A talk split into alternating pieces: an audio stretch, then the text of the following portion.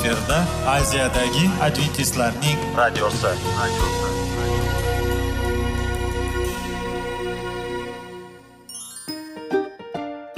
Assalomu alaykum aziz radio tinglovchilar. Sog'liq daqiqasi rubrikasiga xush kelibsiz. Zero tananing sog'lom bo'lishi va uning kasalliklardan saqlash har bir insonning burchi hisoblanadi. Inson uchun bebaho boylik bu sog'liq salomatlikdir. Uni asrash esa har birimizga omonat qilib berilgan. Shuning uchun ham inson o'z sog'lig'ini ehtiyot qilishi va ajib amallardan hisoblanadi. Dono xalqimiz sog'liq tuman boylik deb bejiz aytmagan. Aql idroq sohibi bo'lgan inson o'z hayotini qadrlashi lozim bo'ladi. Hozirgi kunda qanchalik dori darmonlar ko'paymasin tibbiy muassa sifati shifokorlar vasiyasi tibbiy texnika yaxshilanmasin. Agar insonning o'z salomatligi haqida qayg'urmasa kutilgan natijaga erishib bo'lmaydi va biz sizlarga bizning dasturimizga xush kelibsiz deymiz.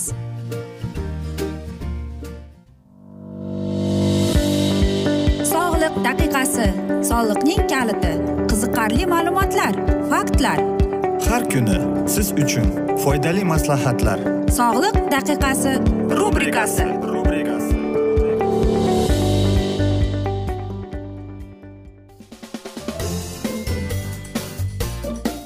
assalomu alaykum aziz radio tinglovchilar. Dasturimizga xush kelibsiz va biz sizlar bilan besh daqiqa sog'liq uchun deb atalgan dasturimizda xushvaqt bo'ling deb aytamiz.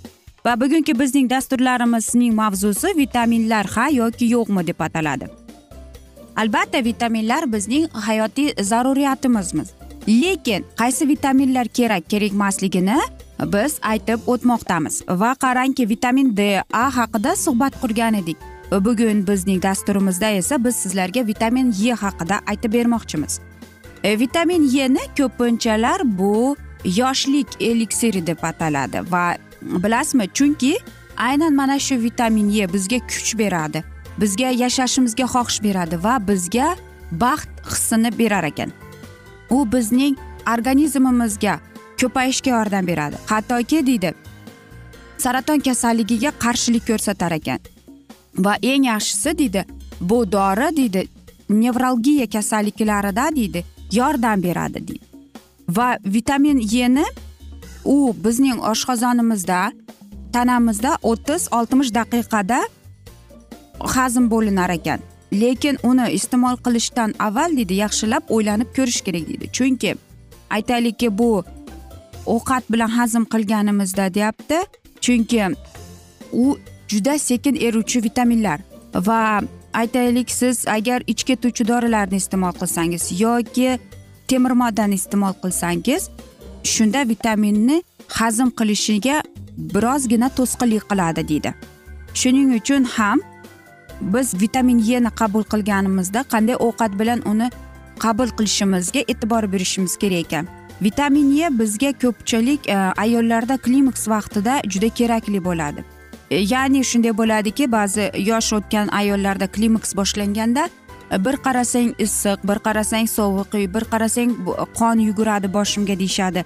Va bir kunlik doza mana shunday ayollar e, aytaylikki ikki yoki uch grammdan yana bir gramm kalsiy iste'mol qilish kerak ekan. Va vitamin c ni kamaytirishga tavsiya etiladi. Va o'shandan keyin deydi e, o'zingizni yaxshi qilishingiz bir haftaning ichida o'tib ketadi deydi.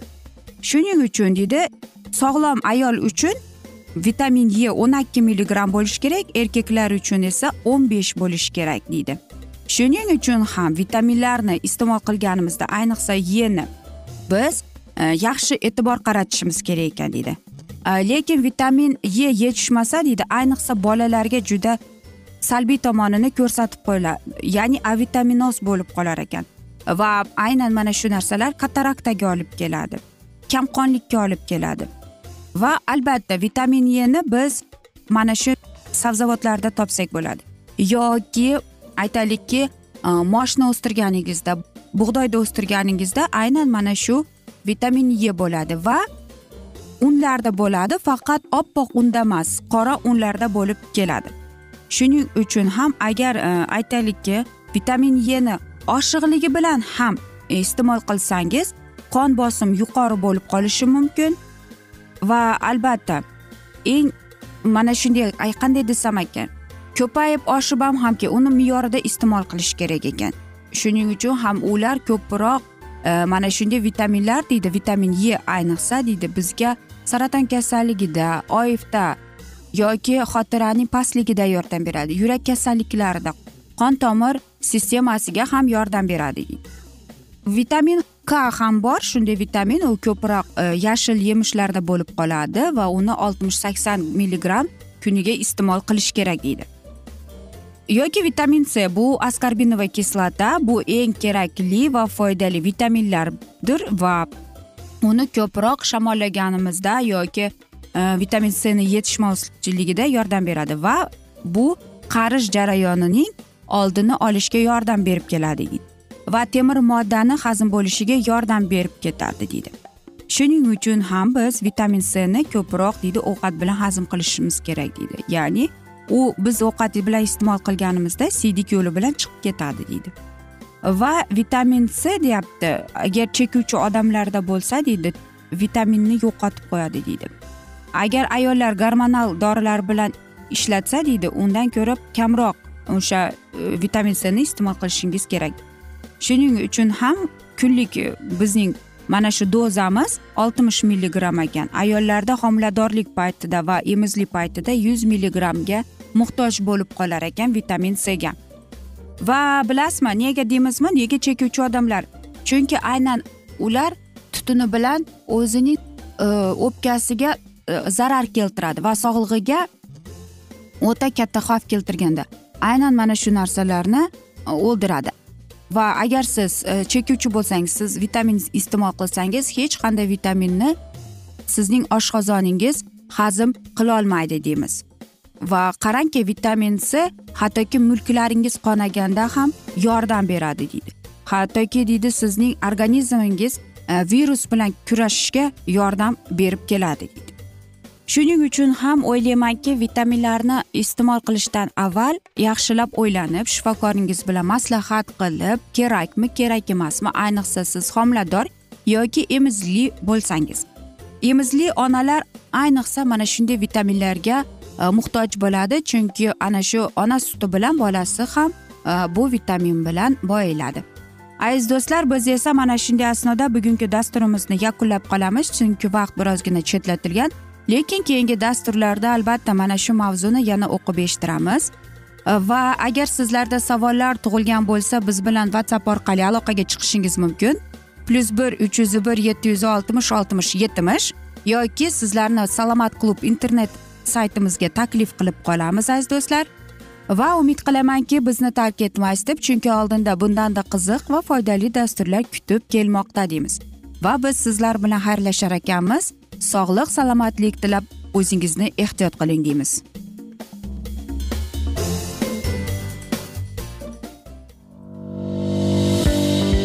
Sog'liq daqiqasi soliqning kaliti qiziqarli ma'lumotlar faktlar. Har kuni siz uchun foydali maslahatlar. Sog'liq daqiqasi rubrikasi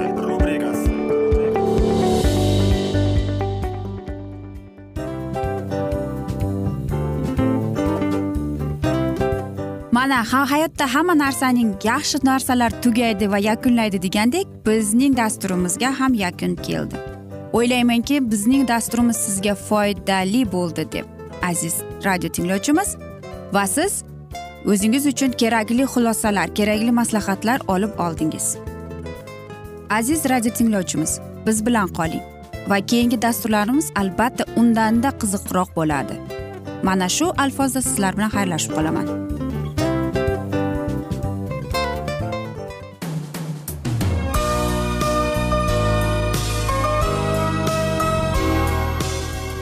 Efirda aziyadagi adventistlarning radiosi.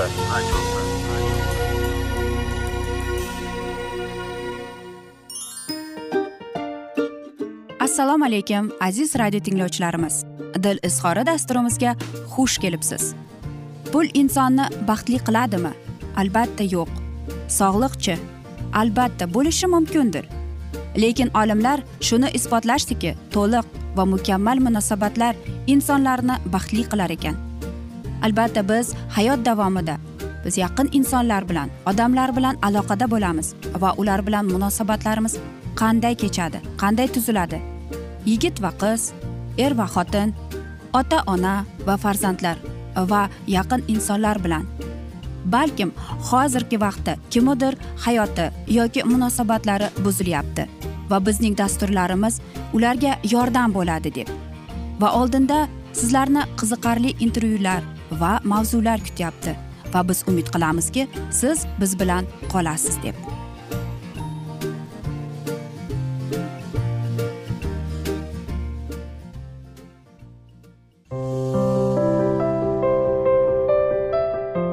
Kuni har xil kasbdagi odamlar bilan sirlashish va bo'lishish sevgi rashq munosabat bularni hammasi dil izhori rubrikasida.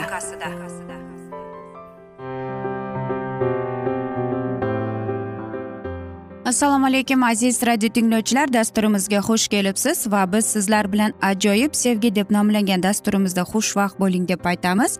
Va bugungi bizning dasturimizning mavzusi uyda kim boshliq deb ataladi. Albatta hozirgida biz ko'p uchraymizki albatta siz aytasiz ayollar deb. Lekin e, mana shunday ibora ham borki erkak kishi boshliq uyda deb. Balkim shunday bo'lishi ham mumkin. Masalan aytaylikki ikki juftlik ular oila qurishdi va mana shu joydan eng asosiy muhim narsa va munosabat boshlanib keladi.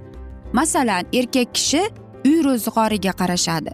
Misol uchun biror narsa buzilib qoldi yoki rozetkani tuzatish kerak dazmol buzilib qoldi uni tuzatish kerak va yoki aytaylikki e, birorta narsani to'lashga kelganda va albatta erkak kishi aynan mana shu fiziologik tomon ishlarni ko'p bajarishni boshlaydi. Shuning uchun ham erkak kishi nafaqat buzilgan narsalarni balki uydagi bo'lgan uy ro'zg'orni hattoki oilaviy kamyonni ham boshqarib turadi. Kim qancha ishlatdi nima bo'ldi deb. Albatta bu noto'g'ri chunki aytaylikki hattoki ayol kishi ham ishlasa erkak kishi ham ishlasa ularning kamyoni bitta bo'ladi. Ya'ni ular o'zlarining oilasiga e, bir xil tarzda bir xil narxda pul olib keladi. Shuning uchun ham. Ayniqsa e, bilasizmi erkak kishida mana shunday narsa bor. U xuddi bir aytaylikki ovchiga o'xshaydi. Bizning aytaylikki qanday bo'lishi kerak deb. Eng asosan Э, har bir oilada o'ylaymanki mana shunday konvert e, usuli bo'lishi kerak. Nega aynan konvert?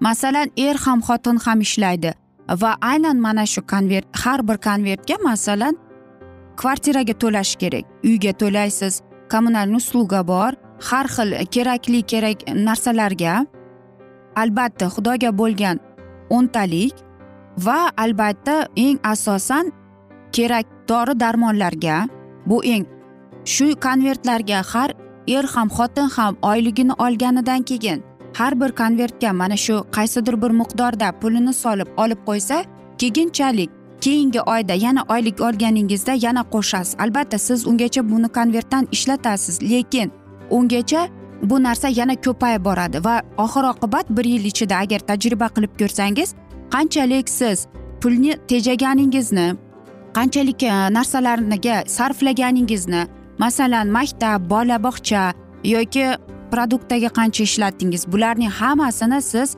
bilib uni yozib turasiz va yilning oxirida siz mana shu narsalarni ochib qaraganingizda er ham xotin ham aynan mana shu pullarni tejaganini biladi. Bu oilaviy deydi. Bu oilaviy kamyon deb ataladi. Shuning uchun ham bu yerda masalan erkak yoki ayol boshlig'i emas. Bu yerda ikki inson bir biriga bo'lgan hurmatini izzatni ko'rsatadi va aynan mana shuning oqibatidan bu juftliklar bu oilaviy juftlik aynan o'zining oilasini haq huquqini o'zlarining burchlarini mas'uliyatini sezib aynan o'zining mehnatining bir parchasini qo'shadi. Va qarangki agar shunday kutilmagan hodisalar bo'lib qoladi va aynan pul kerakli mahalda aynan mana shu kamyonlardan olsangiz bo'ladi.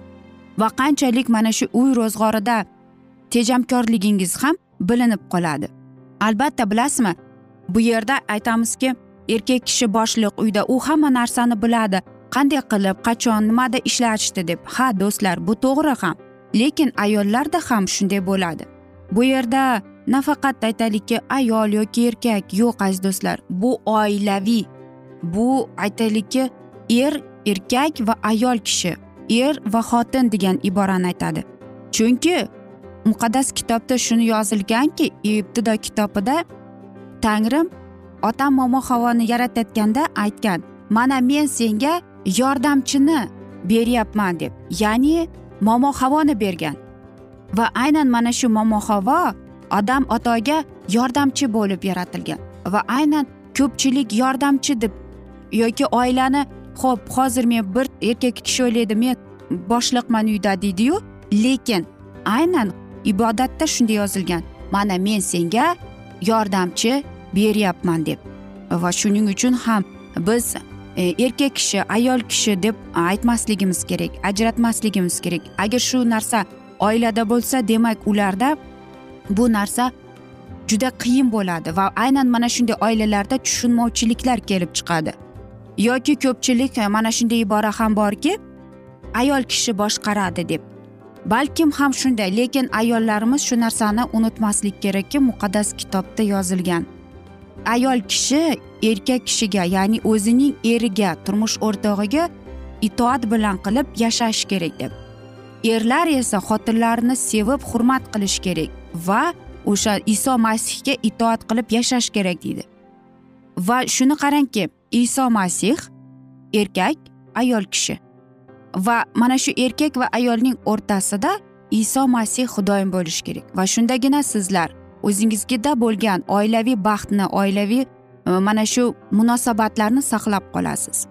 Va albatta yosh oilalar oilada e, iso masihga ibodat qilib xudoga ibodat qilib albatta ular faqatgina mana shu uchta bo'lganida yechadi. Shuning uchun ham Э, aytamizki oilada jufti halol bor joyda uchta bo'ladi deb. Unutmangiz aziz do'stlar bu yerda erkak va ayol er va xotin degan iborat yo'q. Faqatgina juftlik oilaviy juftlik bor. Shuni hech qachon biz unutmasligimiz kerak. Biz esa mana shunday asnoda afsuski bugungi dasturimizni yakunlab qolamiz chunki vaqt birozgina chetlatilgan lekin keyingi dasturlarda albatta mana shu mavzuni yana o'qib eshittiramiz. Va biz umid qilamizki bizni tark etmaysiz deb chunki oldinda bundanda qiziq va foydali dasturlar sizni kutib kelmoqda deymiz. Va biz sizlar bilan xayrlashar ekanmiz. Sizga va oilangizga tinchlik totuvlik sog'lik salomatlik tilab va dasturlarimizning doimiy shiorini eslatib o'tmoqchi edim. Seving seviling deb xayrlashib qolamiz.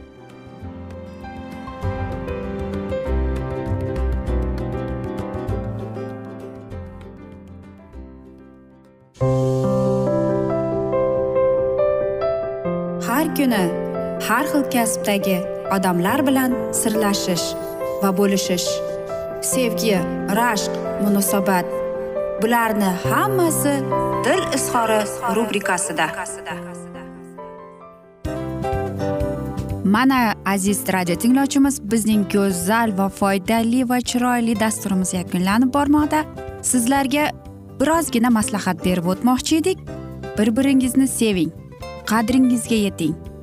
Va erkalang albatta bir biringizni va sizga judayam chiroyli va mustahkam munosabatlar tilab qolamiz albatta. Sevgilingiz doimo yoningizda bo'lsin. Mana shu borada sizlar bilan xayrlashib qolamiz. Xayr.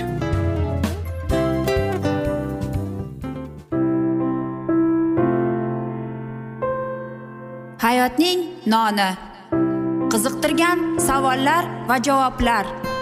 Buning hammasi ko'ngil uchun oziqa rubrikasida.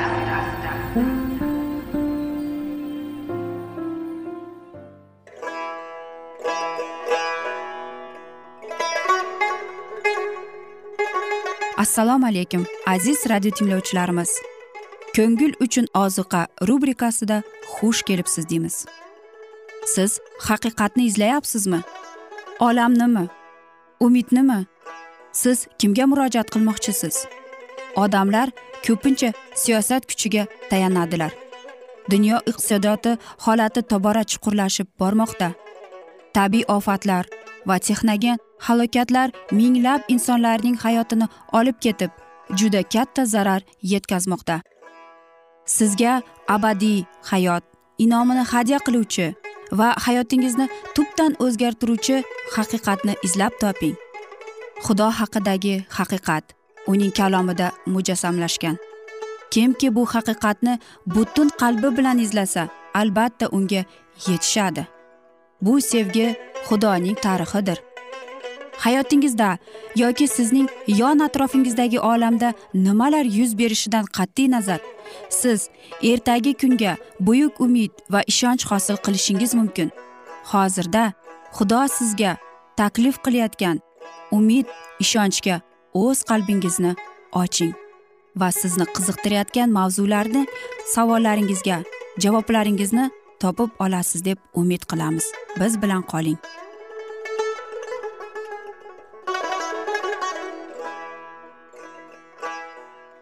Assalomu alaykum aziz radio tinglovchilar. Dasturimizga xush kelibsiz va biz sizlar bilan ulug' otalar va payg'ambarlar deb nomlangan dasturimizda xushvaqt bo'ling deb aytamiz.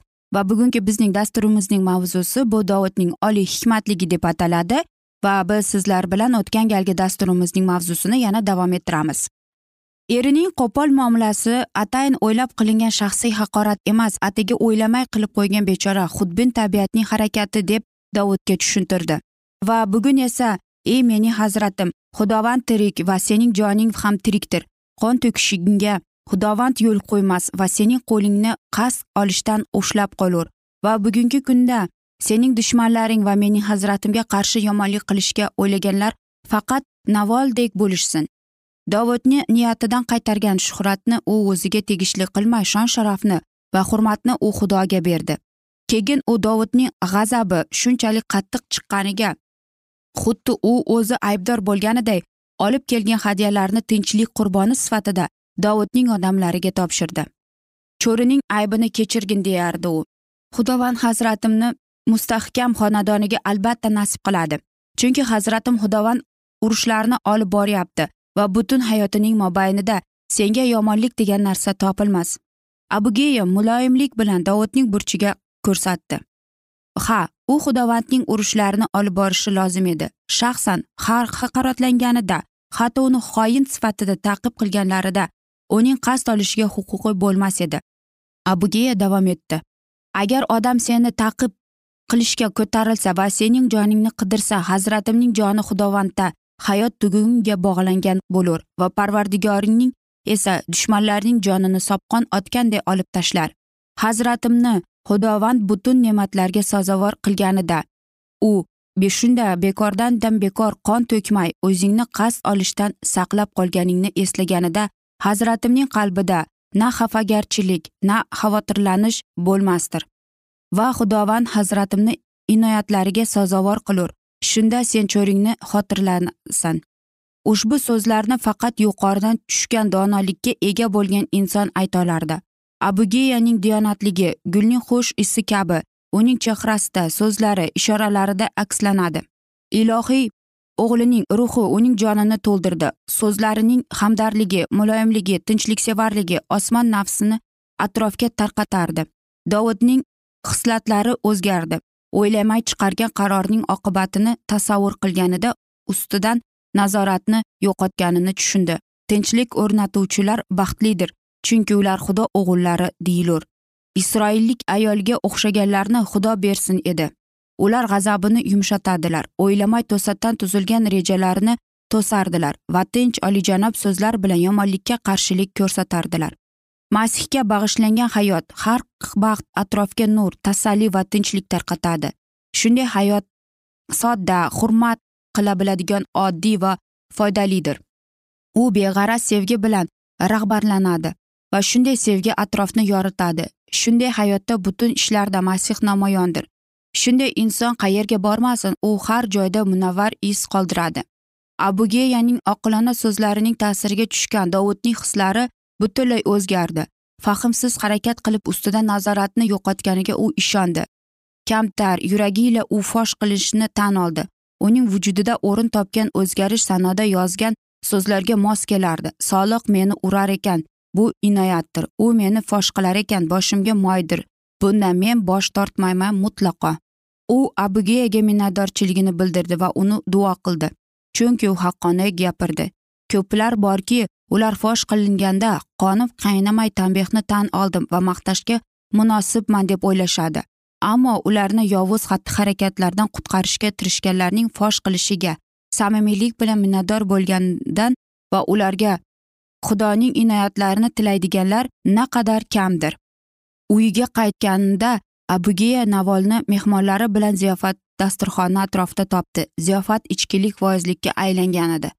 Faqat ertasi kun u eriga dovud bilan uchrashganini bayon etdi. Tabiatga munosib navol qo'rqoq odam edi. O'z aqlsizligi orqasida o'lishiga sal qolganini tushunganini dovdiradi. Dovud qasd olishdan qo'rqqan er hushini yo'qotdi va shu holatdan uni chiqarib bo'lmadi. O'n kundan so'ng u o'ldi. Unga xudo bergan hayot dunyoga faqat la'nat keltirdi. Shodiyona ziyofat paytida xudo unga naqlay boy odamga aytgan edik bu kechayoq joningni oladi. Keyinchalik dovud abigeyaga uylandi. Uning xotini bor edi ammo shu vaqtlarga hokim bo'lgan odam unga ta'sir qildi. Hatto buyuk va olijanob erlar dunyoning odatlariga moslashib adashganlar. Ko'p xotinlikning samarasi dovudning butun hayotida sezilardi. Shamoil olamdan o'tgandan keyin dovud bir necha oy atigi tinch yashadi. U yana cho'lga qaytdi ammo cho'lda yashovchi ziyofarlar podshohga manzur bo'lish uchun dushmanchilik qildilar va dovudning joylashgan to'g'risida shovulga tezda yetkazdilar bu xabar podshoh qalbida yana g'azab g'uzug'um hislarini uyg'otdi. Yana o'z odamlarini yig'ib dovudni qo'lga olish maqsadida yo'lga chiqdi. Shoul yana taqib qilmoqda degan xabarni dovudga do'stlari keltirdi va u o'zi bilan bir necha odamni olib dushman qayerda ekanini bilish uchun yo'lga chiqdi. Kech bo'ldi. Ular asta sekin olg'a siljib shoulning chodirlariga kelib chiqdilar. Ularni hech kim payqamadi. Podshoh va uning yaqinlari qattiq uyquda edilar. Aziz do'stlar biz esa mana shunday asnoda bugungi dasturimizni yakunlab qolamiz chunki vaqt birozgina chetlatilgan. Lekin keyingi dasturlarda albatta mana shu mavzuni yana o'qib eshittiramiz. Va agar sizlarda savollar tug'ilgan bo'lsa bizga whatsapp orqali murojaat etsangiz bo'ladi. Bizning whatsapp raqamimiz plyus bir uch yuz bir yetti yuz oltmish oltmish yetmish umid qilaman bizni tark etmaysiz chunki oldinda bundanda qiziq va bundanda foydali dasturlar sizni kutib kelmoqda deymiz. Va biz sizlar bilan xayrlashar ekanmiz. Sizga va oilangizga tinchlik totuvlik omon qoling deymiz.